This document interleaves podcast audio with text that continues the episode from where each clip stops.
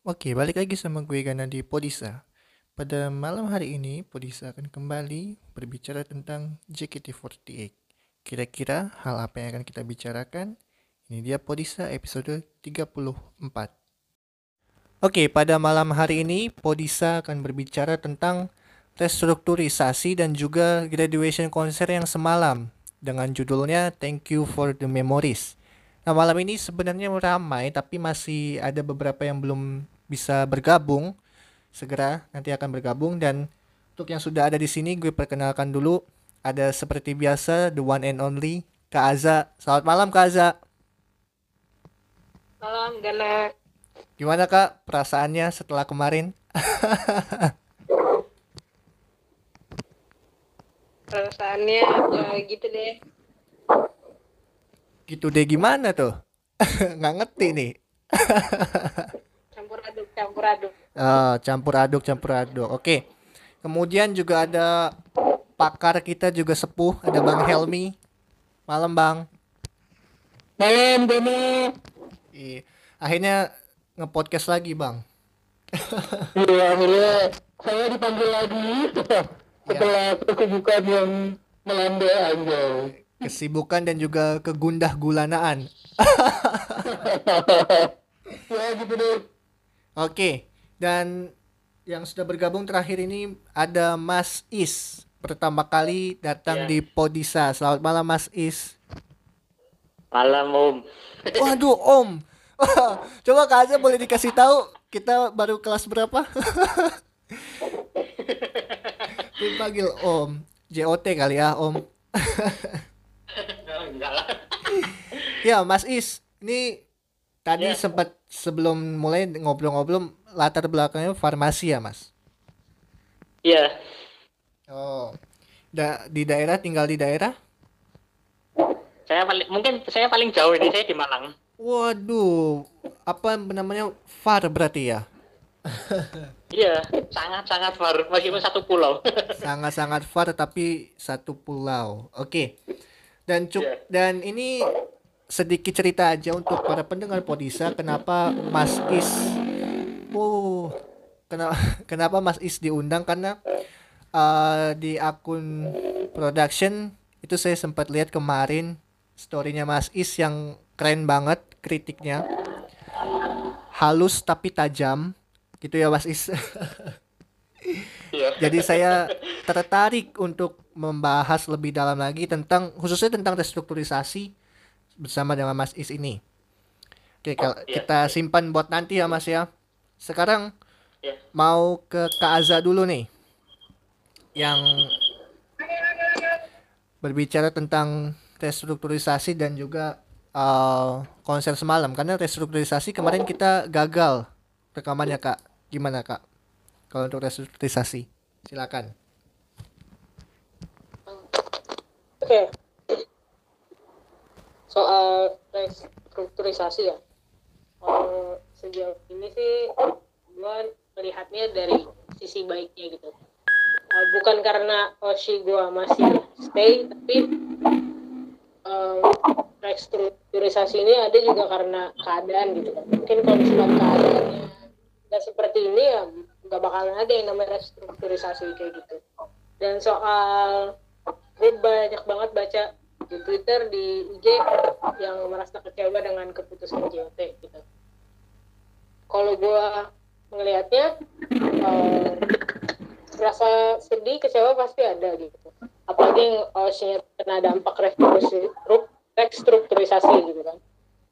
Tapi uh, hal itu juga dilakukan karena untuk kebaikan bersama gitu istilahnya di sini kita nggak ngebahas tentang uh, senbatsu atau enggak senbatsu ya. tapi manajemen pasti punya poin-poin tersendiri yang menurut mereka member yang terpilih sekarang yang bisa untuk melanjutkan di forty ke depan mungkin pro, pro, pro kontra kayak member-member yang lagi naik kayak Yori terus Eh, uh, Amel juga. Mungkin banyak yang kecewa tentang hal-hal kayak gitu. Tapi menurut gue uh, apa yang dilakukan Jojo itu baik. Ini gue melihatnya bukan karena Oshigo Matiste ya tapi menurut pendapat gue gitu. Karena percuma juga kalau mau keluar-keluar nge head JOT juga percuma gitu. Gak ya seperti kalian tahu sendiri nggak akan didengar sama JOT-nya jadi mungkin sekarang gua eh, cuma bisa bilang sama teman-teman semua untuk selalu dukung JKT48 justru dalam keadaan yang bilang genting seperti ini.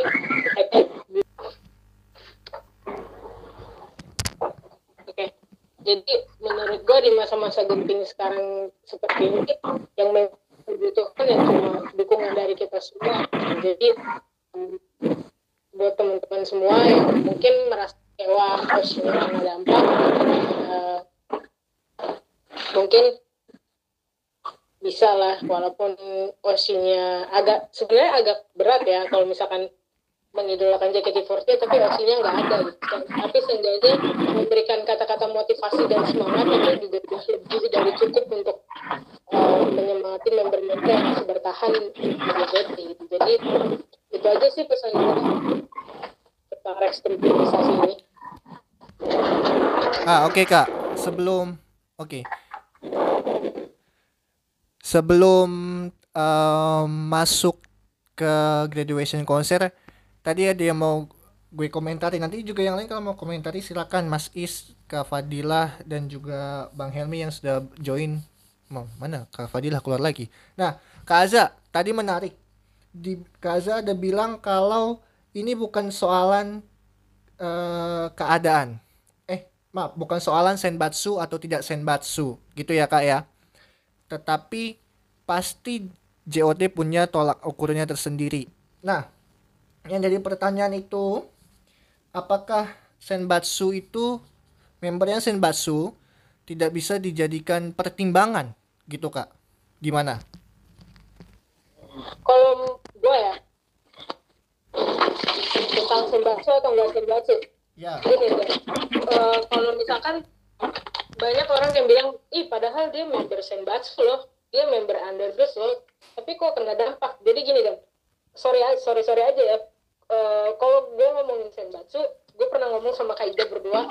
Dia bilang kalau sebenarnya kalau senbatsu itu cuma sorry ya masalah uang kalau menurut gue ya. Kalau misalkan lu mau ngomongin pantas nggak pantas ngomongin Rhapsody deh. Harusnya kalau lu ngomongin soal pantas ya gen-gen uang tuh kayak Rona terus eh baby Princess harusnya masuk. Itu kalau lu ngomongin masalah pantas nggak pantas gitu tapi karena di sini Senbatsu ngomongin tentang uang sorry eh, jujur-jujuran aja ya kalau Senbatsu itu cuma tolak ukurnya cuma uang menurut gua gitu bukan pantas Gue setuju sih. jadi kalau misalkan Gue setuju nih sama poin yang ini. eh, oke lanjut ya ya lanjut Iya, iya. ha. Jadi menurut gue itu kalau ngomongin apakah member yang senbatsu itu pantas untuk eh, kena restrukturisasi, kalau misalkan JOT ngelihatnya harus kena restrukturisasi ya kenapa enggak gitu? Karena balik lagi senbatsu itu cuma perkara uang menurut gue itu sih kan kalau menurut gue Nah, gue mau ini nih, gue mau eh, oke. mengomentari tadi pendapatnya Kak Aza. oke. Tadi terkait ada beberapa poin yang menarik. Tadi eh, soal restrukturisasi dulu pertama ya. Kalau menurut gua, kalau menurut gua restrukturisasi itu eh, sudah tepat menurut gua ya. Untuk saat ini sudah tepat karena berkaitan dengan adanya pandemi. Kemudian eh, bagaimana soal member-member yang terdampak restrukturisasi? Tadi gue suka banget poinnya Kak Iza mengenai JOT lebih tahu poin-poin mana yang eh, apa ya poin-poin apa yang ada di member-member yang dipertahankan sekarang. Karena eh, tadi benar, Senbatsu dan Undergirls itu bukan menjadi sebuah tolak ukur. Menurut gue selain berbicara soal uang, ya kan, berbicara soal uang, ini berbicara juga soal kepribadian member tersebut selama berada di dalam grup. Apakah member tersebut berperilaku baik selama di grup? Apakah member itu selama ini eh, pernah kesandung masalah atau tidak gitu? Kalau menurut gue itulah poin-poin yang kita nggak bisa tahu gitu. Nah, dari sini kita bisa melihat sisi lain bahwa JOT itu sebenarnya baik. Kenapa baiknya? Karena mungkin dari beberapa member ya kan, member-member yang uh, terkena dampak restrukturisasi ya. Ini terlepas dari akademi ya, kalau menurut gue yang ada di tim, baik di tim J, tim KT, atau tim T, itu pasti ada lah. Kan kita sebagai fans punya circle-circle gitu kan, pasti adalah yang uh, punya rahasia oh ternyata member ini dulu punya masalah ini loh, oh member ini ternyata berperilaku tidak baik loh di dalam grup gitu-gitu. Pasti kan pernah dengar omongan-omongan seperti itu. Nah, mungkin poin-poin tersebut yang menjadi uh, pertimbangan apakah member ini harus di restrukturisasi uh, harus dikeluarkan atau tidak. Nah, ketika member ini dikeluarkan, misalnya katakanlah member ini kena masalah gitu ya, punya masalah sama JOT, kemudian dikeluarkan, kan sudah terima. J dengan JOT tidak membeberkan masalah itu, JOT itu udah baik bahwa dia nggak mau membernya tercemar namanya. Jadi dengan dengan dikeluar dengan dengan dikeluarkannya aja itu sudah cukup. Mungkin JWT itu sabarnya luar biasa banget kali ya dari dulu. Ada apa komplain, ada apa komplain, nerima komplain, nerima komplain. Menurut gue JWT itu bukan tidak mendengarkan. Mereka mendengarkan masukan-masukan kita, tapi balik lagi ada banyak pertimbangan-pertimbangan. Karena back to basic bahwa JKT48 atau 48 group atau 46 series atau grup-grup di Jepang atau Indonesia yang punya sister sister group dan brother group itu ini balik ke bisnis gitu. Ujung-ujungnya uang, ujung-ujungnya duit gitu. Jadi balik lagi ke biaya operasional dan segala macam. Jadi menurut gue uh, tentang member-member yang direstrukturisasi ini sudah langkah yang tepat. Dan mungkin yang kita nggak tahu ya, ini feeling gue aja nih ya. Semoga ini benar. Feeling gue adalah malah mungkin member-member yang dikeluarkan ini mereka sebenarnya punya peluang kembali untuk balik kayak member uh, apa calon member anggota generasi 10 ya yang waktu itu udah audisi kemudian nggak jadi debut tapi mereka dapat privilege bahwa ketika nanti JKT48 membuka audisi lagi mereka bisa masuk tanpa gelar audisi lagi gitu.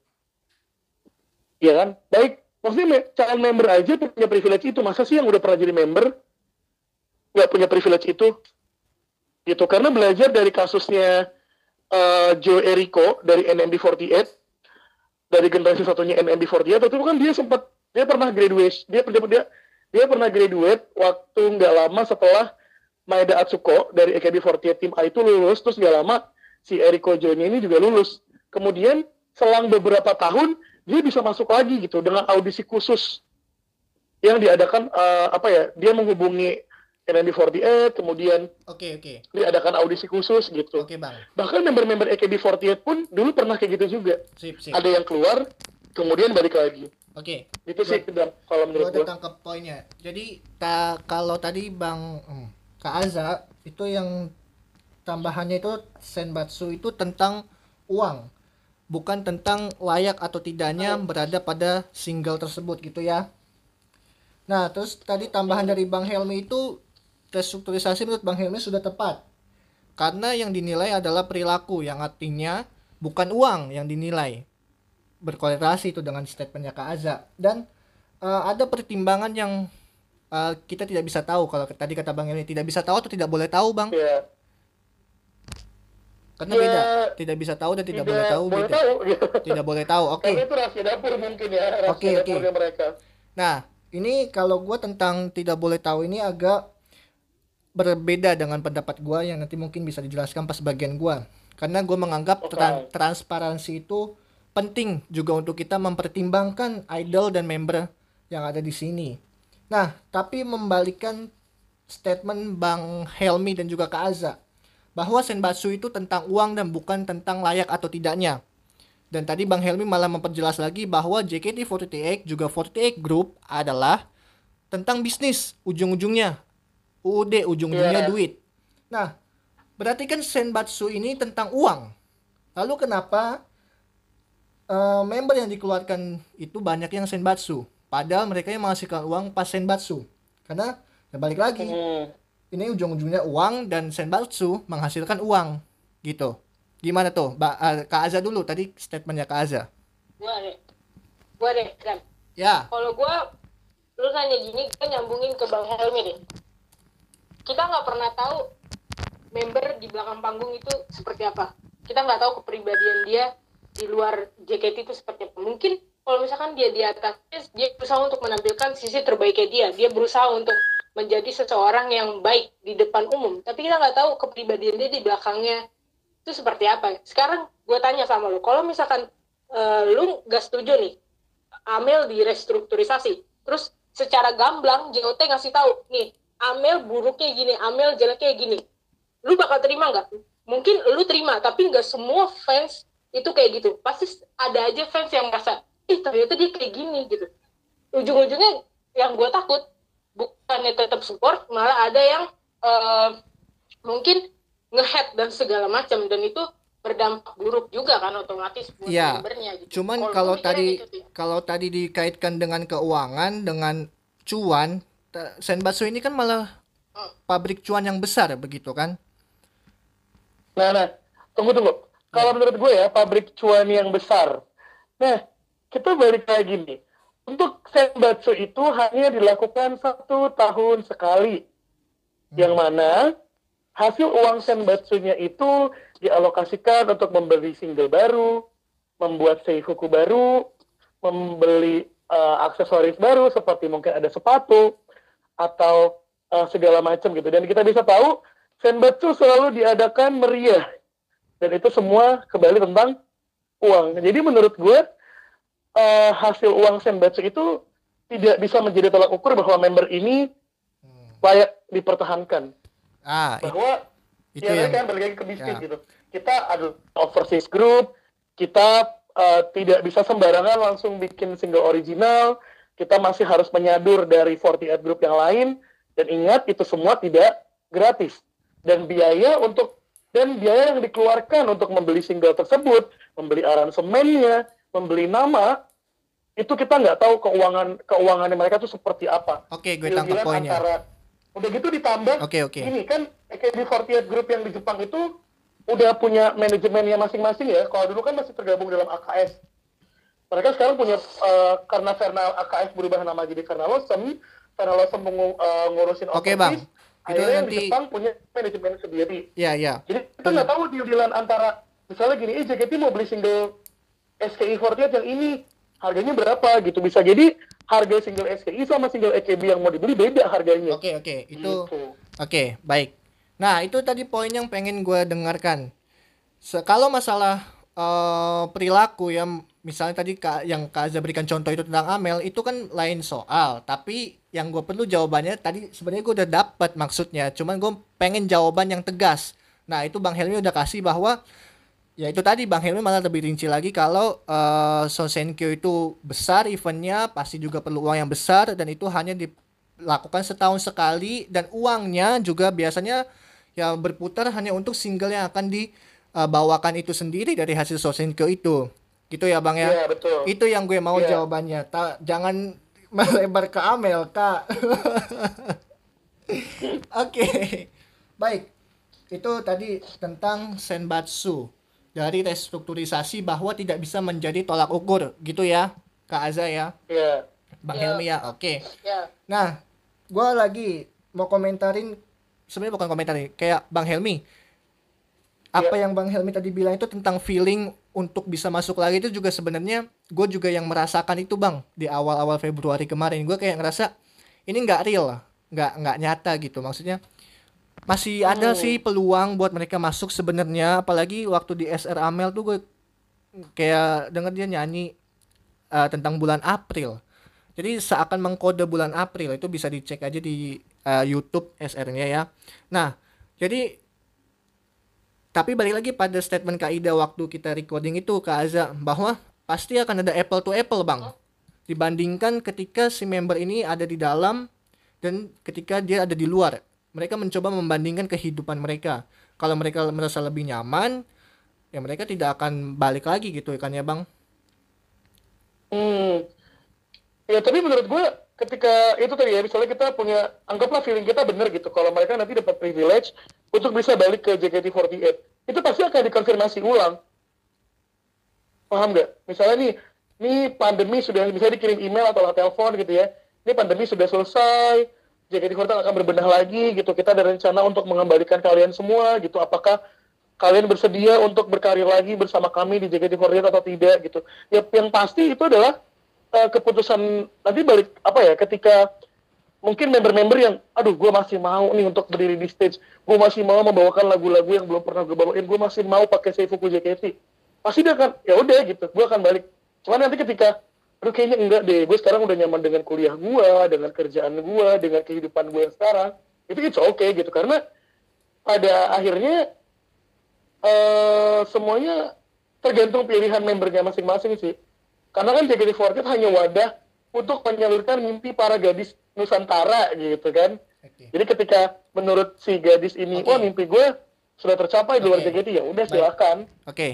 oke, okay, gue tangkap poinnya bang. Berarti intinya tetap dikembalikan ke masing-masing membernya lagi kalau mau dan ada peluangnya untuk balik balik kalau sudah nyaman ya. dengan yang sekarang ya sudah begitu ya. Nah, ya, Mas betul. Is, saya kasih kesempatan untuk mengkomentari diskusi tadi Mas. Gimana nih? Ada yang mau dikomentari nggak kira-kira?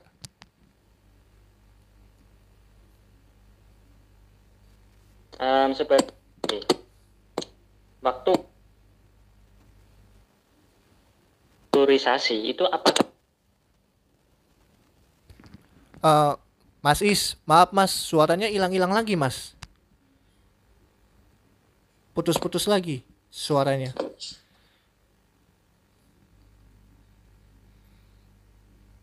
Halo? Halo, halo? Um, sudah? Ya coba mas, boleh. Nah, kan akhir 2020 kira-kira November itu ya, kan ada apa namanya? Tahu-tahu kok ada usulan restrukturisasi dan ternyata pada lupa kapan itu Februari apa kapan itu ya? Apa Januari oh 11 Januari deh. Tahu-tahu ada nama biasanya gini gini gini gini yang direstrukturisasi siapa aja. Nah, pertanyaannya adalah yang pertama, apakah member, eh, mas, apakah pihak manajemen itu membuat hanya membuat keputusan sepihak atau dengan membernya juga atau dikumpulkan dengan semua fansnya juga. Ah oke okay, oke, okay. Mas Mas. menyangkut masalah masa depan. Iya iya, oke. Okay. Nggak, itu nanti akan jadi bahannya Mas Is aja saya, yang sekarang oh, saya iya. mau tanya ini komentarnya dulu gitu. Komentar oh, tentang iya, tadi iya. statement-statement yang tadi gitu. komentarnya dari sisi ya tadi semangat sama sama Bung Gana ya. Saya masalah apa tuh kita kembali ke apa namanya ke apa sih itu namanya? Ke transparansinya itu. Nah. Misalnya uh, transparansi bagaimana member itu maksudnya bagaimana kelakuannya juga. Tapi mungkin kalaupun nggak perlu diberikan apa namanya nggak perlu diberikan transparansi mungkin para fans sudah tahu mungkin ada semacam mata-mata bagaimana kelakuan membernya itu sendiri kan. Jadi apakah itu bisa dibuat pertimbangan untuk restrukturisasi yang pertama. Yang kedua mungkin kalau misalnya untuk senbatsu mungkin masalah uang oke okay lah. Tapi kan bagaimana orang itu semakin banyak yang mengenal member-member senbatsu itu? Dan juga ada yang disayangkan kenapa kok di itu masuk korban itu. Nah terus apa lagi? Um, mungkin ada yang pro kontra ya tentang masalah restrukturisasi itu baik atau tidaknya. Tapi kan mungkin sebelumnya kan kita lihat ada MNL MNL 48 itu dia mengalami restrukturisasi. Tapi dia itu seenggaknya pernah mengadakan senbatsu.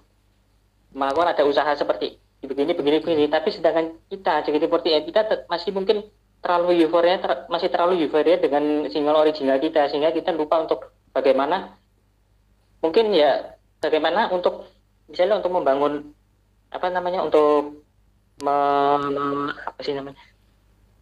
Memikirkan masa depan JKT di masa pandemi. Cara bertahan. iya. Oke. Okay. maksudnya iya dan juga. Harusnya bagaimana know, harusnya juga melihat jangan cuma melihat MNL48 atau apalagi DL, DL48 itu yang justru malah vakum semua. Kita lihat dulu bagaimana kondisi di mana di luar sana di Jepang itu seperti apa bahkan yang termuda lebih muda dari JKT48 seperti BNK48 atau CGM Chiang Mai 48 itu ya tetap jalan sih sebenarnya nggak ada ya juga sama dengan kita jadi kita sama-sama kena pandemi tapi yang jadi janggal kenapa kok bisa bertahan ada pasti ada kuncinya kan? Oke, baik. Gitu. Nah, Saya nah, nah. ini nih, gue mau nanggepin sedikit soal yang Eh, berkaitan dengan menurut sebentar, menurut Bang. Mas Is kan tadi harus, iya iya kenapa? Sebentar. Ini tadi em oke deh, Bang Helmi dulu singkat aja, Bang. Tanggapin sedikit. Oke singkat. Eh, tadi kan eh, apa ya Mas Is menyinggung soal kita emang semuanya kena nih pandemi. Kemudian membahas kenapa kita masih nge-hype sama single original. Terus tadi MNL saja melakukan senbatsu di tahun ini. Gitu BNK dan CGM pun melakukan hal yang sama ya untuk eh, apa Janken Pon waktu itu ya ke Janken Taikai competition-nya mereka. Iya, iya. Nah, kita bisa lihat, kita bahas MNL sedikit. MNL 48 itu melakukan senbatsunya, itu memang cara MNL itu seperti itu. Untuk jadi MNL itu rotasi membernya bukan member yang mengajukan diri gitu. Tapi dia memang setiap tahun harus ada yang dikeluarkan kalau dari sistemnya MNL 48. Nah, makanya tahun ini kebetulan eh, karena pandemi juga makanya benar-benar dikurangin. Jadi itu sebenarnya member MNL 48 itu cuma boleh berjumlah 48 kalau di Manila 48. Makanya eh, tahun ini berbarengan dengan pandemi akhirnya dikurangin posisi senbatsunya eh, memang 48 tapi nanti yang, yang dipertahankan hanya 36 member gitu.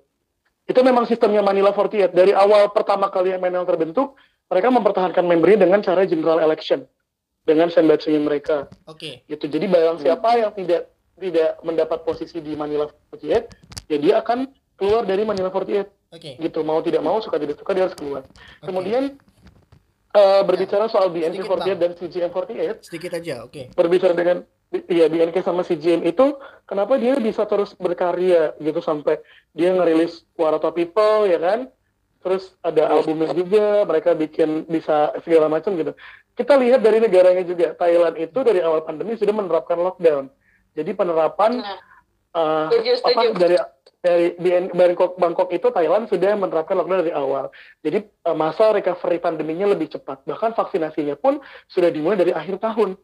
Gitu. Kemudian BNK48 dan CGM48 ini ada ada alasannya kenapa CGM48 itu dibentuk di eh kenapa ada ada grup baru lagi di Bangkok. Karena menurut Fernelson BNK48 itu sudah apa ya menghasilkan banyak uang karena uh, di Thailand itu dia mendukung banget hak cipta dari segala eh, apa namanya seniman gitu baik itu dia penyanyi dia pemain eh, pemain series atau segala macam jadi mereka mendukung banget hak cipta di sana makanya mereka tuh laku Yes. banget makanya Oke, itu alasan baik. kenapa si GM48 pun Baik. dibentuk Sip. gitu Oke. Tadi kita ulang sedikit sekalian gue mau komentari uh, statement komentarnya Mas Is tentang yang tadi. Yang pertama itu tentang pertimbangan perilaku atau tidak. Jadi tadi Mas Is menyayangkan ya perilaku itu harusnya diberitahukan tentang bagaimana bagaimananya alias adanya transparansi begitu Mas. Karena Iya. akan jadi kebingungan fans kalau tolak ukurnya tidak diberitahukan itu nanti akan gue bahas di bahasan gue itu ya mas ya jadi fansnya kebingungan sendiri kalau tolak ukurnya nggak jelas dan nggak diberitahu. Yang ada malah jadi spekulasi dan nggak tahu spekulasi nanti spekulasinya itu nanti merugikan atau tidak. Lalu yang kedua disayangkan Senbatsu jadi korban. Ya tadi uh, Mas Is itu betul nggak Mas poinnya yang gue tangkap disayangkan kenapa nggak Ya, uh, jadi korban? Uh, padahal mungkin ada yang belum punya jam terbang tinggi ada yang belum dapat kesempatan lebih gitu ya Mas ya Hmm. tetapi balik lagi pada dasarnya kita dalam keadaan pandemi dan ini bukan keadaan yang biasa-biasa saja lalu yang uh, seterusnya yang gue tangkap tadi itu yang diperjelas dan ditambahkan oleh Bang Helmi mungkin poinnya Mas Is itu tentang cara restrukturisasinya ya Mas ya kenapa yang tiba-tiba Eh, mungkin enggak apa? Mohon maaf ini maksudnya ini cara bagaimana caranya survive bukan restrukturisasinya itu sendiri kalau misalnya ada restrukturisasi ada restrukturisasinya sendiri mungkin ada beritanya dia ada yang list list member yang kena gitu Jadi tentang penyampaiannya, penyampaian restrukturisasinya. caranya itu Ya, cara restrukturisasinya berarti kan yang Maksudnya disayangkan. cara- enggak Eh, maksudnya cara bagaimana bisa survive padahal kita sama-sama juga meskipun mungkin ada kasus lockdown karena Oke, di Jepang oke. pun nggak ada lockdownnya Bisa juga malah. restruktur- dia cuma tanggap darurat malah Ah, oke bisa. Jadi tetap bisa Aduh, bertahan eh. tanpa restrukturisasi gitu ya, Mas ya. hmm, hmm. Dan tadi Ah. ditambahkan dan, tentang inovasi dalam kinerja Forte Group juga tentang koordinasi kenapa yang ini bisa kita nggak bisa walaupun itu banyak faktor ya dan itu pernah saya bahas mas sama Kak Ida bahwa memang pentingnya koordinasi dan komunikasi antar Forte Group tapi kita tidak tahu dilakukan atau tidak. Nah terkait tadi Bang Helmi sangat menarik statementnya bahwa mengapa bisa terus ber- bekerja Forte Group yang lain? Ada yang bahkan tidak restrukturisasi. Yaitu tadi betul balik lagi pada pertama masyarakatnya. Kalau di sana di luar Indonesia mungkin CD masih bisa dinikmati masih banyak peminatnya kalau di sini CD itu udah kurang peminatnya dan itu juga menjadi salah satu pemasukan utama juga untuk Forte Group melalui merchandise. Lalu yang kemudian kedua kebijakan-kebijakan pemerintahan negaranya yang berbeda-beda tidak sama dalam menangani COVID-19 dan itu akan berdampak juga pada kinerja dan program kerja Forte Group yang ada di negara tersebut. Kira-kira begitu. Tadi Kak Azad yang mau ditambahkan? Enggak enggak udah udah udah diwakili nama lo tadi barusan. Tentang yang? Boleh, boleh. oke. Gimana Mas Is? Ada yang salah nggak dari apa yang tadi saya ulang? Tentang statementnya Mas enggak Is? enggak enggak ada yang salah kok. Oke. Enggak ada kok. Berarti kita kalau tentang transparansi kita sejalan gitu ya Mas? Iya. Oke. Bang Azam. Karena kita nggak pengen ya. Menurut sebelumnya ini kan kita sebenarnya kita nggak pengen ada yang disembunyikan kan. Jadi kan ya apa ya ibaratnya harus jelas. Makanya kan jadinya hakikat manusia itu adalah nggak mau dibohongi. Ya berterus terang nggak mau dibohongi intinya nggak mau ada yang ditutupi ya. Ya. Oke sedikit aja Bang Azam sedikit karena tadi Kak Azam belum selesai bagiannya. Bang Azam sedikit tadi yang mau dikomentari dari diskusi yang sudah Bang Azam dengar tadi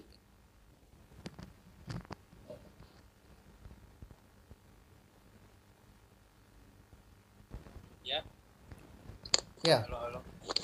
Halo? Kecil. Ada su- ada suaranya kan? Ada, oke bang. Gimana? Ada yang mau dikomentari sedikit aja bang? Kalau komentar tentang restrukturisasi atau gimana? Iya tentang tadi yang udah berjalan tadi diskusinya.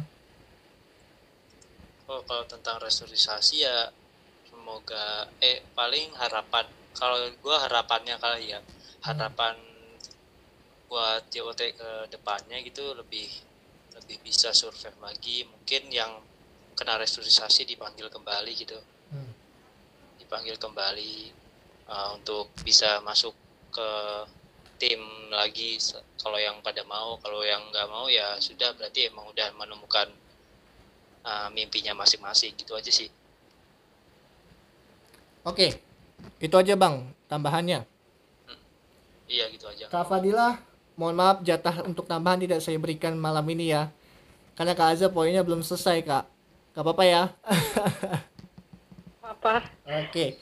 Oke Kak Azza, lalu yang kedua tadi clear tentang restrukturisasi. Tapi belum semua orang mengutarakan. Nah, Kak Azza gimana? Kalau untuk konser yang semalam, pendapatnya, penilaiannya, perasaannya. pendap oke kalau dari pendapat eh, jujur suka sama konsepnya. JOT juga memberikan kesempatan member untuk memilih mana lagu yang mau dibawakan gitu. walaupun cuma satu tapi kan ya bagus lah gitu.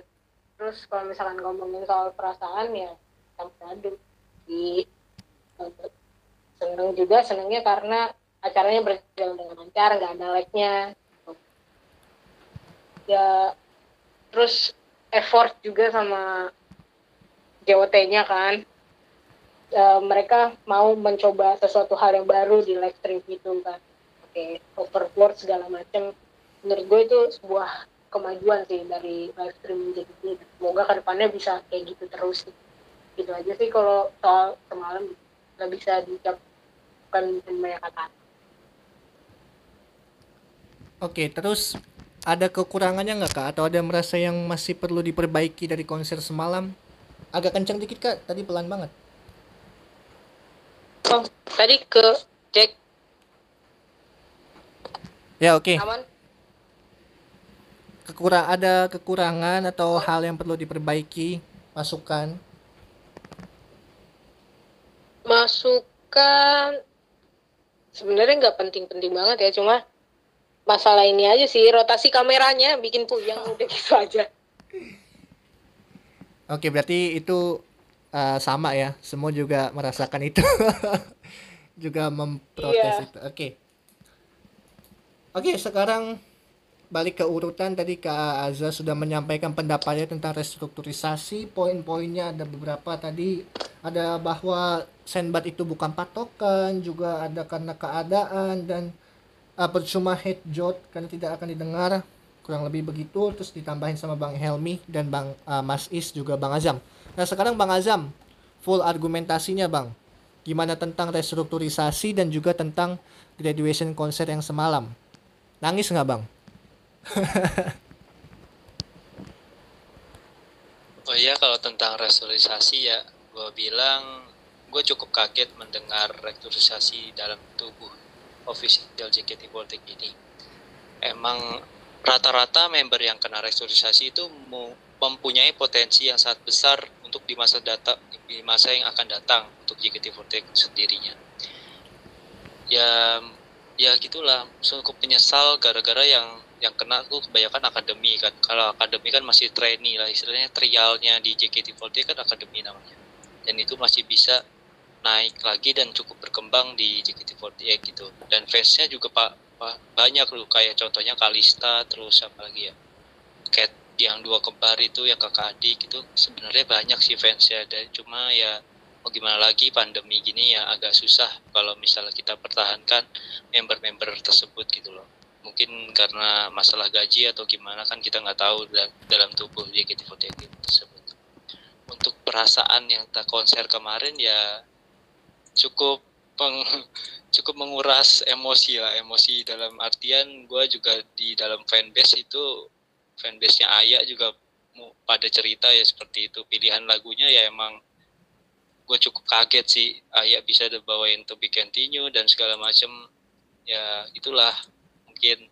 Kalau untuk sedih sih enggak sih gue bisa bangga dia bawain dengan tersenyum kemarin dan tidak cukup tidak uh, putus-putus dengan tangisan semua gitu. Ya udah cukup gitu aja. Wah singkat banget Bang tentang restrukturisasi dan juga tentang konsernya. Oke, iya Ta- cukup sih tadi poinnya Bang Azam tadi cuma satu kira-kira tentang restrukturisasi bahwa uh, kaget karena juga nama-nama yang dituliskan di, tercantum pada 11 Januari itu adalah nama-nama yang besar ya Bang secara fanbase itu punya fanbase yang cukup besar terus juga secara peluang ataupun uh, potensi juga itu besar juga untuk masa depan JKT gitu ya Bang ya iya benar Nah, itu tadi kita terlalu terlalu sibuk menyoal pada senbat atau tidak. Nah, ini sudah sudah dibukakan jalannya sama Bang Azam nih. Tadi eh, Bang Azam bilang bahwa ada potensi banyak member yang berpotensi di masa depan. Nah, eh, buat Mas Is, Kak Azza dan Bang Helmi apakah tidak melihat ini? Atau hanya ber, berpatok cukup pada Senbatsu aja atau tadi kita nggak bahas jadi nggak sempat ke bahas. Satu-satu, ini langsung open mood. Siapa duluan? Eh, Sudah siapa dulu nih langsung Azab dulu deh, azab dulu, azab dulu. Oke. Azab dulu deh. Ya, silakan Bang. Komentari. Oke, aku dulu ya. Kalau ngomongin masalah tentang member yang berpotensi. Kalau ngomongin potensi, setiap member pasti punya potensi. Semua member punya potensi. Kalau misalkan mereka diasah lagi. Dan tadi Bang Azam ya, Bang Azam bilang katanya sebenarnya akademi yang eh, lebih banyak potensinya untuk eh, dipersiapkan untuk JKT48 ke depannya gitu. Eh, sebenarnya gue juga sempat baca beberapa tweet di Twitter kayak kenapa sih anak akademi yang dikorbanin. Padahal mereka dipersiapkan untuk depan JKT. Sementara ada beberapa member eh, atas, maksudnya member-member yang umurnya ya bisa dibilang udah cukup matang gitu. Kenapa enggak mereka aja yang direkstrukturisasi? Karena pendapat gue ya percuma juga kita mempertahankan akademi tapi kalau misalkan member ya bisa dibilang pionir ya member pionirnya nggak ada gitu. Lu mau majuin ke siapa gitu? Istilahnya mereka yang orang-orang awam kenalnya mereka JKT48 ya ini gitu. Gue sebut aja Shani gitu kan. Kenalnya Shani gitu. Jadi kalau misalkan ngomongin potensi semua member berpotensi kalau misalkan mereka uh, diasah lagi ke depannya gitu. Jadi untuk anak uh, dan untuk menurut gue untuk anak-anak akademi yang bisa kepilih untuk tetap bertahan di JKT sekarang menurut gue tuh udah pilihan yang baik sih jadi menurut gue segitu aja untuk nambahin dari Bang Azam Oke, berarti poinnya akan jadi nggak lucu kalau mempertahankan masa depan tapi tanpa ada tetua, tanpa ada pionir, gitu ya, Kak Iya. Aza? Ya gitu itu sama aja kan kayak berjuang dari awal gitu kan. Hmm. Eh, dari JKT yang nggak dikenal sama orang banyak gitu masalahnya di era pandemi se- seperti ini memperken- mau memperkenalkannya di mana gitu.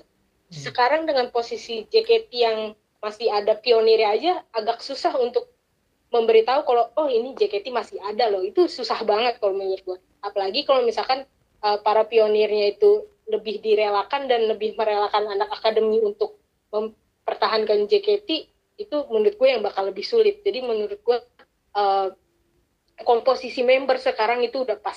Terlebih uh, sangat disayangkan si ini keluar si itu keluar ya semua juga sangat disayangkan gitu. Tapi demi kemajuan JKT bareng-bareng ya menurut gue ini udah pilihan yang tepat sih Oke, jadi poinnya bahwa tidak apa-apa menggugurkan masa depan, tidak apa-apa me- mengabaikan masa depan, yang penting sekarang selamat dulu. Nah, Bang Helmi, gimana Bang? Yo, tadi gue setuju banget sama eh, poinnya Azam mengenai potensi bahwa semua member JKT48 itu semua punya potensi karena ketika ada audisi baru gitu audisi generasi baru JKT48 itu bukan mencari yang udah ada mereka mencari yang belum ada gitu contoh misalnya waktu eh, awal-awal gen 1, gen 2, tiba-tiba di gen 3 ada Daisy yang ngomongnya ngapak. Gitu kan. Terus punya pesona yang menurut gua eh, beda lah dari member-member yang lain gitu. Dan semua member itu memiliki keistimewaannya masing-masing dan punya potensi yang berbeda-beda juga yang pastinya bisa membangun bisa membawa JKT48 lebih maju lagi. Cuman kan di sini poinnya tadi poin yang si Azam bilang tuh adalah iya member-member yang dikeluarkan sebenarnya punya potensi. Ya memang semua punya potensi gitu. Tapi ini balik lagi sedikit eh, ke pendapat gue yang sebelumnya gitu ya. Ini berkaitan juga sama Senbatsu sama yang lain juga. Jadi gue eh, pernah diskusi sama sesama fans gitu kan. Terus menurut gue juga pernah berpendapat seperti itu. Loh kenapa ya yang Senbatsu Senbatsu dikeluarin gitu? Kayak dia nih yang baru pertama Senbatsu, Amel yang baru masuk Senbatsu langsung peringkat ketiga gitu. Terus ada Vivi di posisi 16 dari akademi waktu itu gitu kan. Yang sekarang udah jadi tim T.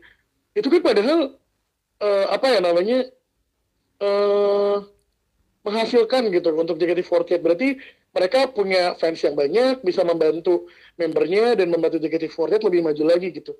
Tapi kan gue ngomong begitu ya. Terus kata temen gue itu dia bilang, "Eh, lah contohnya ada member yang eh, ya tau lah mungkin kalian udah tahu member yang tertangkap liburan bersama dan dia adalah member Senbatsu gitu kan. Ya, ini balik lagi ya klub ya member Labuan Bajo itu ya kan itu balik lagi ke sikap ya kan percuma fansnya banyak. Percuma fansnya banyak mendukung mengeluarkan uang segala macam. Tapi ketika ketika apa namanya membuat kesalahan ya dia udah salah. Melanggar golden rules terus juga berarti dia punya masalah sama JOT dan yang lain-lain gitu. Jadi menurut gue potensi itu bisa menjadi tolak ukur tapi dilihat lagi ke dalamnya gitu. Seperti apa dia berperilaku di JKT48 gitu. Ya tadi balik lagi, pasti JOT punya pertimbangan yang kita nggak tahu seperti apa gitu. Jadi tadi kalau misalnya yang eh, kenapa akademi dikeluarin semuanya gini gini gini gini gitu. Malah kalau menurut gue nih ya, ini poin yang eh, tadi dari tadi mengganjal gitu sama udah kepikiran dari awal nama-nama itu keluar coba kalian perhatikan kalau misalnya yang nama-namanya itu keluar eh, ada beberapa ini kalau menurut pandangan gue aja ya pandangan gue adalah ini berkaitan juga sama umur berkaitan sama umur dan juga berkaitan dengan lokasinya eh, tempat tinggal mereka dengan tempat berkegiatan. Kalau menurut gua ya kan? Mungkin kalau umur yang masih muda-muda ya udah dikeluarin dulu aja biar sekolah dulu biar nggak sibuk JKT gitu misalnya. Apalagi kan selalu sekolah online. Mungkin yang rumahnya jauh-jauh ya udah biar nggak bolak-balik dia juga biar nggak sakit juga. Kalau menurut gue sih gitu dia itu berbalik lagi ke beberapa apa ya banyak poin-poin yang kita tuh nggak tahu gitu apa sih pertimbangan yang benar gitu terus tadi kalau berbicara soal tadi Mas Is sama Gana punya pandangan yang sama mengenai eh, mengenai transparansi ya tadi Ah, itu dibahas nanti aja, Bang.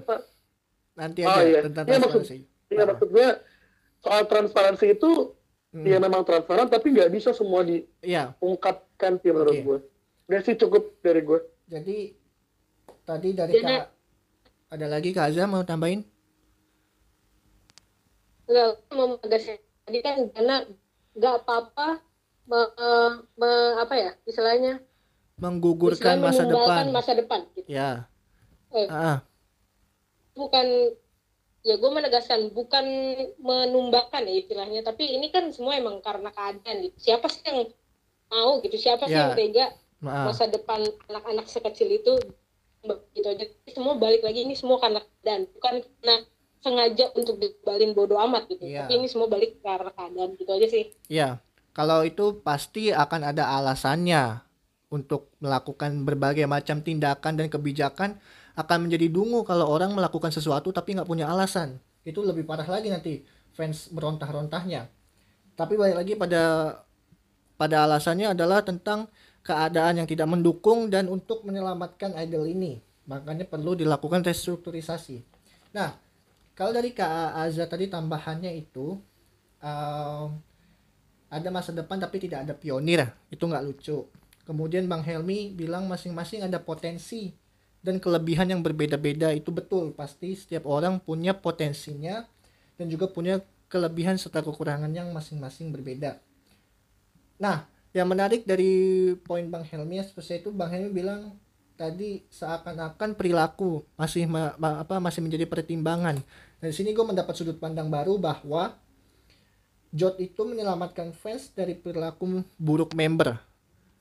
Itu bang. Kalau yang gue tangkap tadi dari eh, salah satu poinnya bang Helmi itu gitu. Jadi eh, percuma fansnya banyak tadi ya bang Helmi. Percuma juga eh, kasih uang yang banyak berkontribusi finansial yang besar. Tapi kalau membernya itu punya perilaku yang minus, yang kita nggak tahu, itu akan jadi soal juga, akan jadi pertimbangan juga dan dari situ gue membuat satu poin bahwa Jot menyelamatkan fans dari perilaku buruk member yang tidak kita ketahui.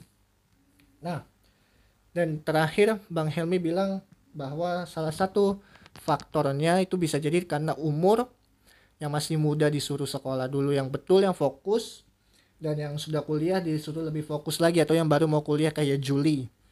Dan tempat tinggal. Kalau kejauhan lebih baik di disudahi dulu. Nanti mungkin ada second chance atau lain sebagainya bisa untuk dipanggil lagi. Gitu ya Bang Helmi ya?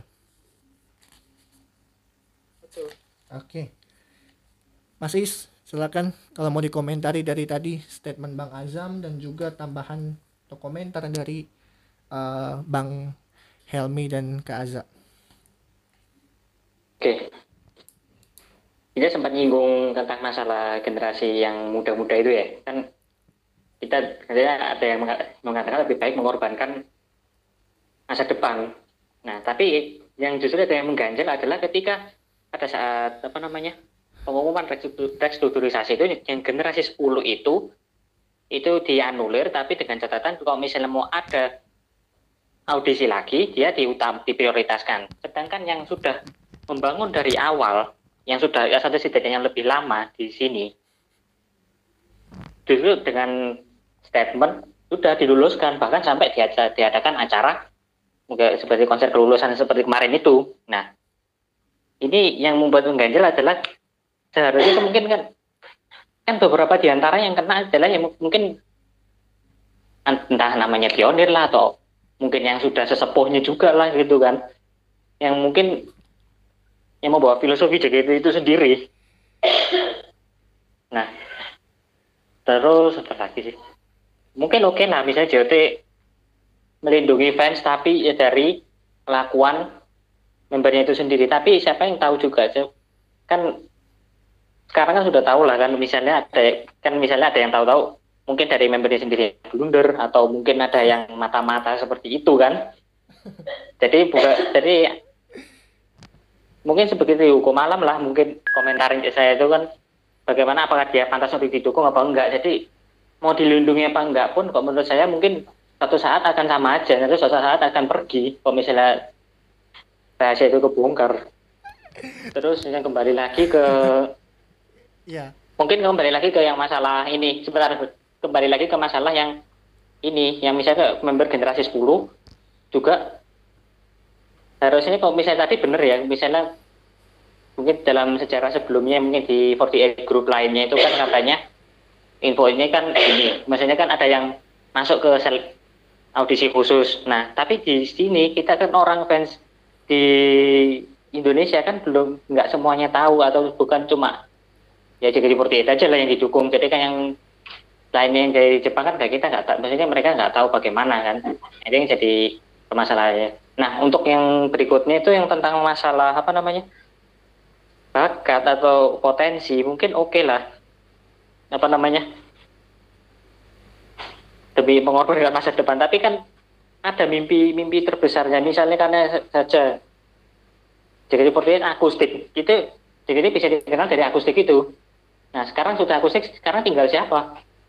Nah, sekarang ada member akademi yang ada potensi bisa menggantikan apa namanya bisa menggantikan posisi akustik itu untuk regenerasi akustik justru malah terkena jadi korban restrukturisasi gitu. Nah kan jadi rancu orang-orang juga bingung kan akhirnya. Oh, wait, wait, wait, stop, stop, stop, stop.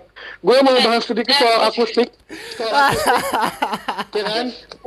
Soal akustik, tunggu, tunggu bentar. Sedikit aja nih soal akustik. Oke. Oke. Waktu itu, Satu waktu menit. event, waktu event kan tadi si Mas Is bilang katanya eh, akustik sekarang tinggal siapa? Tinggal Siska. Terus ada member-member yang berbakat, yang berpotensi bisa menggantikan akustik. Tolong digarisbawahi bahwa Nabila Sindiwantari waktu itu pernah berpendapat dan mereka sudah sepakat berempat, Nabila, Siska, Rona, dan Aurel bahwa JKT48 akustik hanyalah mereka berempat. Dan dia mereka dan mereka tidak dan mereka tidak mau adanya regenerasi apa regenerasi untuk JKT48 akustik gitu. Tapi statement itu kalau nggak salah gue pernah gue pernah gue pernah denger itu. Jadi makanya ketika uh, Mas Is bilang akustik tinggal siapa tinggal Siska harusnya akustik bisa membawa nama JKT48 lebih luas lagi ini akustik Oke. aja mereka nggak mau diregenerasi. Tapi statement Nadila itu langsung dia bantah sendiri dengan tweet dia juga yang bilang bahwa Fanny juga termaksud member yang berpotensi untuk jadi penerus akademi. Jadi ini yang benar yang mana nih Bang? Nadila jadi kontradiksi. Karena dia punya dua Nih, statement yang kalau- berbeda. Kalau misalnya kalau misalnya dia berpendapat Fanny bisa, itu berarti Nabila mau Fanny berusaha seperti mereka berempat berusaha bagaimana caranya Oh, jadi agar akustik meneruskan diakui akustik. sebagai official subunit. Jadi bukan Gitu meneruskan loh. akustik, itu berbeda Ya. dengan meneruskan akustik. Iya beda, maksudnya kayak gini, Nabila, Oh. Nabila bisa membawakan 16 blocking di Saisho Belganaru. Waktu itu dia nantang kan waktu di waktu di apa namanya? Waktu di uh, speech original, iya Sosengki original, dia menantang apakah ada adik-adiknya dia yang bisa melampaui 15 blockingannya dia. Sampai sekarang belum ada. Bahkan Anin yang sudah tiga tim aja dia belum 16 blocking. Jadi tuh Nadila mau member-member yang punya potensi berusaha sendiri bagaimana cara dia supaya terlihat gitu. Balik lagi ke potensi, potensi mereka beda-beda. JKT48 itu banyak orangnya dan mereka harus bersinar dengan cara mereka sendiri. Gitu. Iya. Oke, Eh, nih, Sebentar, gua setuju Kak Bang Helmi tentang Gua- potensi. gue mau bacain dulu oke. tweetnya Nadila tentang eh, Fanny tadi yang gue sampaikan bahwa dia menulis buat kalian juga jangan berhenti untuk terus bernyanyi ya. Jujur aja udah ngincer kalian dan pengen nitip buat lanjutin semangatnya akustik. Dengan ber- dengan branding yang baru dari Semangatnya, kalian. Gar, tapi mungkin bukan panggung JKT48 tempatnya Semangatnya, see you Gar, on another stage. Oke, itu bisa dibilang oke, bisa multitafsir, bisa ada yang bilang semangatnya, bisa ada yang bilang tentang track recordnya Nadila yang yang melamp yang sangat menguasai banyak blocking 16 blocking. Tapi kan kalau orang berpikiran sama, apakah semua orang berpikiran sama bahwa itu mengartikan bahwa yang diikuti adalah semangatnya bukan akustiknya, sedangkan yang jelas-jelas ditulis adalah akustik. Gini, Gan, Gan. Iya, Gue silakan. mau lanjutin dari Bang Helmi dikit ya. Iya. Tadi Bang Helmi bilang eh, akustik dari member akustiknya sendiri aja gak mau ada regenerasi. Gue setuju sama Bang Helmi gitu. Nadila, Nadila pernah bilang kayak gitu. Oke. Nah, terus masalah sem- tadi gue bilang semangat ya. Maksudnya Nadila mungkin Nadila mau tuh Fanny, Ume, terus sama lagi siapa ya gue lupa pokoknya mereka bertiga itu membuat akustik versi mereka sendiri gitu.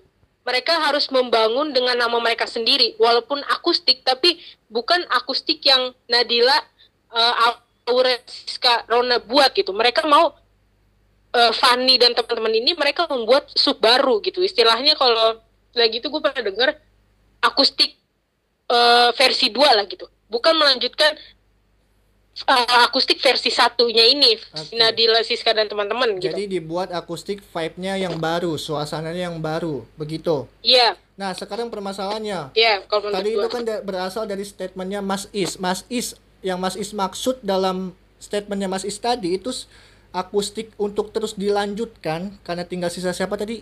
Sisa akustik sekarang? Siska? Siska itu untuk dilanjutkan menjadi akustik yang satu kalau kata Kak Aza atau membuat akustik dua. Mas Is, silakan dipertanggungjawabkan statementnya. Gimana Mas? Biar jelas Mas. Ya, kita berlihat ke ya em, mungkin nggak masalah sih kok misalnya apa namanya kok misalnya dibikin gitu dengan tetap kayak mereka akustik ya Mas ya. Jadi mau itu hanya soal ya nggak masalah gitu. kok misalnya iya kok misalnya cuma nama aja nggak masalah cuma kok misalnya dia membawa dengan gaya mereka sendiri ya terserah aja tapi kan jangan sampai sa- subunit akustik ini malah mangkrak gitu loh seperti halnya dengan sub subunit yang lainnya itu kan sudah nggak ada kabarnya itu yang lain-lainnya karena kan bagaimanapun juga Mas Is karena dulu bagaimanapun silakan. juga. Eh, karena bagaimanapun juga akustik ini adalah dia itu kan dari perantara ke maksudnya yang, yang memperkenalkan JKT48 itu sendiri kan. Nah mungkin kita harusnya kita itu juga memperkenalkan maksudnya harusnya juga memperkenalkan oh Ya, JKT48 itu nggak cuma untuk Sampai situ clear Mas. yang ngedance atau yang nyanyi aja, Ah, tapi iya. kan bisa akustik kan juga bisa gitu. Iya, iya. Agar makanya untuk jadi bisa untuk mengangkat namanya lagi gitu. Ya, pada poin itu clear. Cuman tadi yang dimaksud itu akustik untuk melanjutkan akustik satu atau um, untuk membuat akustik dengan vibes yang baru. Karena dari Bang Helmi Kenapa? sampaikan bahwa Nadila juga sempat berbicara kalau tidak mau ada akustik selanjutnya. Cukup sampai mereka dan Kak Aza menambahkan kalaupun mau ada akustik yaitu akustik dengan keringat mereka sendiri. Silakan Kak Aza, apa yang mau ditambahkan? Eh, eh, mau nambahin dikit ya. Eh, Mas Is tadi bilang dengan direstrukturisa, direstrukturisasinya Fanny, Ume, terus Keisha yang bisa dibilang kandidat akustik itu bisa membuat eh, akustik istilahnya hilang gitu, gak jelas masa depannya. Dan gue balik lagi ke poinnya Bang Helmi, kalau di JKT itu orangnya banyak, yang bisa main gitar tuh bukan cuma eh, Keisha doang, yang bisa nyanyi tuh bukan Fanny doang, banyak. Kalau lo melihat secara luas, banyak member yang bisa nyanyi, banyak member yang bisa main gitar dan mereka menurut gua potensi mereka juga bisa diasah, juga bisa mungkin nanti jadi akustik poin kedua gitu. Jadi kalau misalkan melihat karena direstrukturisasinya Fanny dan teman-teman itu akan membuat akustik hilang, enggak menurut gua. Karena ya balik lagi member JKT itu orangnya banyak yang bisa main musik tuh bukan cuma mereka doang, yang bisa nyanyi itu bukan mereka doang, banyak gitu sih menurut gua. Oke, baik. Sebenarnya antara sta- apa statement Mas Is juga nggak salah kalau Mas Is bis menilai bahwa kalau um apa Fani dan kawan-kawannya itu dikeluarkan maka nasib akustik ke depannya bagaimana itu tidak salah. Karena yang Mas Is lihat adalah potensinya Fani dan dan teman-temannya. Begitu. Masalah uh, banyakkan member sama banyak member yang lebih dari Amel. Banyak member yang cantik yang gesit untuk dance lebih dari Amel. Tapi kan banyak juga ada satu alasan yang tidak bisa membuat seseorang untuk terus bertahan. Jadi kalau masalah choice JKT48 memang punya banyak pilihan. Bahkan untuk merekrut lagi orang yang sudah dikeluarkan pun mereka bisa kalau orangnya mau. Tapi apakah itu itu kan berkaitan dengan chemistry. Berkaitan dengan adaptasi juga. Dengan kenyamanan juga. Oke. Ada lagi nggak yang mau ditambahin sebelum lanjut ke Kak Fadilah Bang Helmi? Kak Aza? Cukup sih gue cukup udah sih nah Mas Is tadi juga bilang Gen 10 di, diberikan privilege untuk uh, apa namanya untuk daftar lagi ya bang Kembali ya, lagi, mas ya. Ah. Ya. Terus Mas Is juga tadi ini koreksi saya kalau saya salah ya Mas ya Mas Is uh, seperti Hmm. mempertanyakan kenapa privilege yang sama tidak diutarakan oleh Jod untuk member yang sudah yang terdampak restrukturisasi ini wabil khusus yang sudah senior misalnya gitu atau yang sudah ber, sudah berjasa gitu ya Mas betul nggak? Iya. Oh, oke. Baik, itu clear. Oke. Wah, Kak Fadilah keluar. bang Azam, ada yang mau dikomentarin lagi nggak Bang? Dari diskusi panjang tadi. Kalau soal akustik ya, Oh iya tadi boleh. nyinggung soal akustik kan. Nah, kalau soal akustik sih gue lebih ke sama kayak Helmi sih kan member banyak kan. Itu mungkin bisa diseleksi lagi atau bikin sub baru. Hmm. sub baru dengan nama baru mungkin. Jadi member-member tersebut yang yang udah dipilih oleh manajemen dan disetujui dia mengajukan sub baru itu mereka bikin nama baru. Nggak nama akustik lagi gitu loh. Kalau akustik kan emang buat Nadila segala macam tuh berempat. Kalau menurut gue sih kayak gitu pandangannya. Gitu aja sih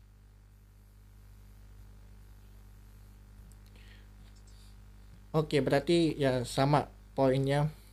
Nah, kemudian Kak Fadilah boleh silakan berbicara tentang restrukturisasi dan juga tentang graduation konser. Waktu dan tempat dipersilakan. Oke, thank you ya. Ya, maaf nunggu lama ya. aku Kak. mau ngomongin. Kenapa? Ya maaf udah menunggu lama. Oh, iya. Aku aku mau ngomongin konser dulu ya. Sebenarnya sedikit aja. Apa ngomongin aku sebagai admin ya, sebagai admin fanbase. Sebenarnya aku nggak nggak nonton secara full ya. Memang nggak beli tiketnya gitu. Cuman lihat cuplikan-cuplikan dari sosmed gitu. Entah itu TikTok, entah itu IG gitu kan.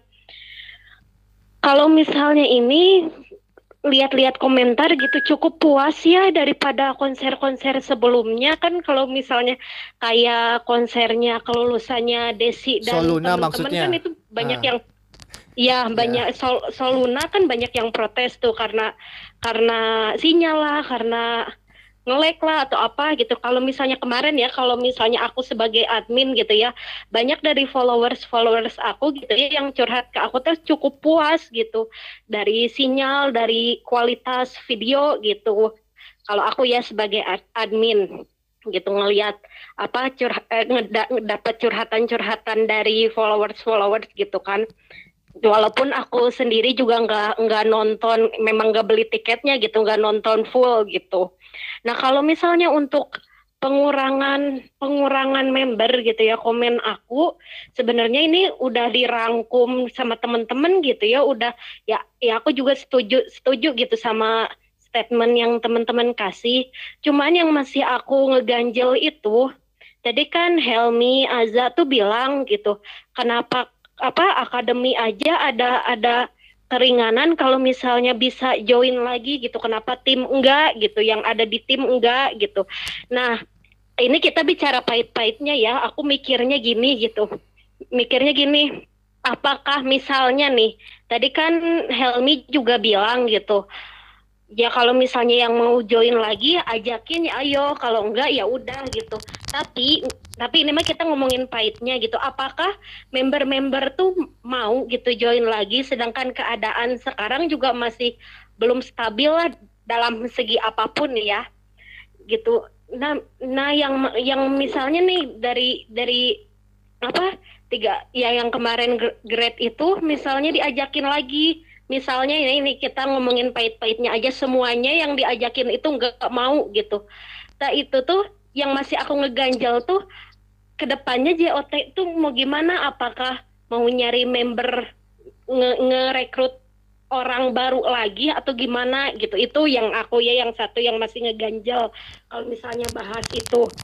Nah kalau misalnya ya aku juga bingung sih ya karena karena aku juga nggak terlalu ngikutin member-member yang memang di di, di ada di apa dikeluarin itu ya yang 33 member itu nggak nggak maksudnya nggak secara personal kayak misalnya kayak Desi gitu ya karena Osi gitu.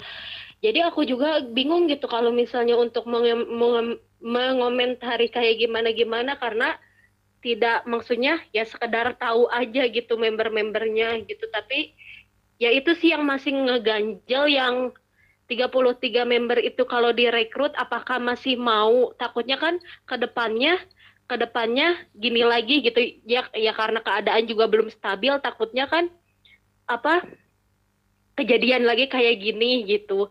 Itu sih yang masih ngeganjel gitu kalau aku ya kalau aku masih mikir itu sih yang aku pikirin itu aja sih kalau dari aku Oke, berarti ada dua secara garis besar. Yang pertama itu mau direkrut baru atau eh mau direkrut lagi yang lama atau cari yang baru gitu ya Kak Fadila. ya ya gitu Lalu- iya Lalu yang kedua eh, tadi apa yang terakhir itu tentang 26 member yang diluluskan? Oh, mau berjuang dengan sisa yang sekarang gitu ya dengan Mm-mm. tantangan ke depan yang nggak tahu kayak apa. Yang pastinya satu Mm-mm. tim itu bawa tiga setlist atau berapa setlist itu ya? Hmm, Untuk mengganti tiga ya kalau nggak salah ya tiga Ya, tiga, tiga, ya tiga. tiga Tenekinsi, Ya. Sei- eh, Seishun sama Seifuku no Me. oke tiga Saya pun setlist dengan satu tim atau mau membuat uh, open audisi lagi dengan dengan kemungkinan mau merekrut baru atau mau uh, mengambil yang lama gitu ya Kak Fadila ya Iya itu gitu. itu tidak bisa kita jawab di sini karena bukan ranahnya kita tapi ya enggak sih itu ah, mah ah, ya ma ya yang yang masih keganjalnya Iya. aku karena kan tadi Azza sama Helmi bilang kenapa akademi dikasih keringanan kalau misalnya mau join lagi gampang sedangkan yang tim yang tim nggak ada kelonggaran gitu. Ya berarti itu sih yang masih aku ngeganjel gitu. Apakah misalnya apakah member-member kan kita nggak tahu gitu ya sekarang oke lah sekarang udah nggak terikat lagi sama JKT48 apakah member-member yang member-member yang keluar kemarin itu yang 26 orang itu kan kita nggak tahu ke depannya. Kan waktu itu juga aku pernah bahas ya se- sebelumnya gitu kan. Kan kita nggak tahu apakah ya mungkin tadi juga Helmi udah bilang kan apakah mau meneruskan sekolahnya pendidikannya apakah apakah mungkin nanti dapat dapat karir yang bagus misalnya apa di luar JKT kan kita nggak tahu. Kan misalnya kalau 26 member itu dapat karir masing-masing yang bagus kan? Kalau mi- misalnya mau direkrut lagi sama JOT kan? Apakah mau? Gitu sih yang aku masih ngeganjel gitu. Kalau aku sih gitu yang masih ngeganjelnya. Ya itu tadi yang dibilang di awal sama sama aku kak bahwa akan ada apple to apple dari kehidupan member. Setelah dia dikeluarkan dan sebelum dia dikeluarkan itu pasti akan jadi perbandingan atau tolak ukur dari mereka kalau misalnya ada tawaran buat balik lagi. Nah kita coba berbicara abstrak, berspekulasi. Kira-kira kalau nanti ada rekrutmen lagi itu bakalan ngambil dari member lama atau buat atau cari member baru, Kak Aza? aku kalau dari aku ya kalau misalkan rekrut member lama ya kan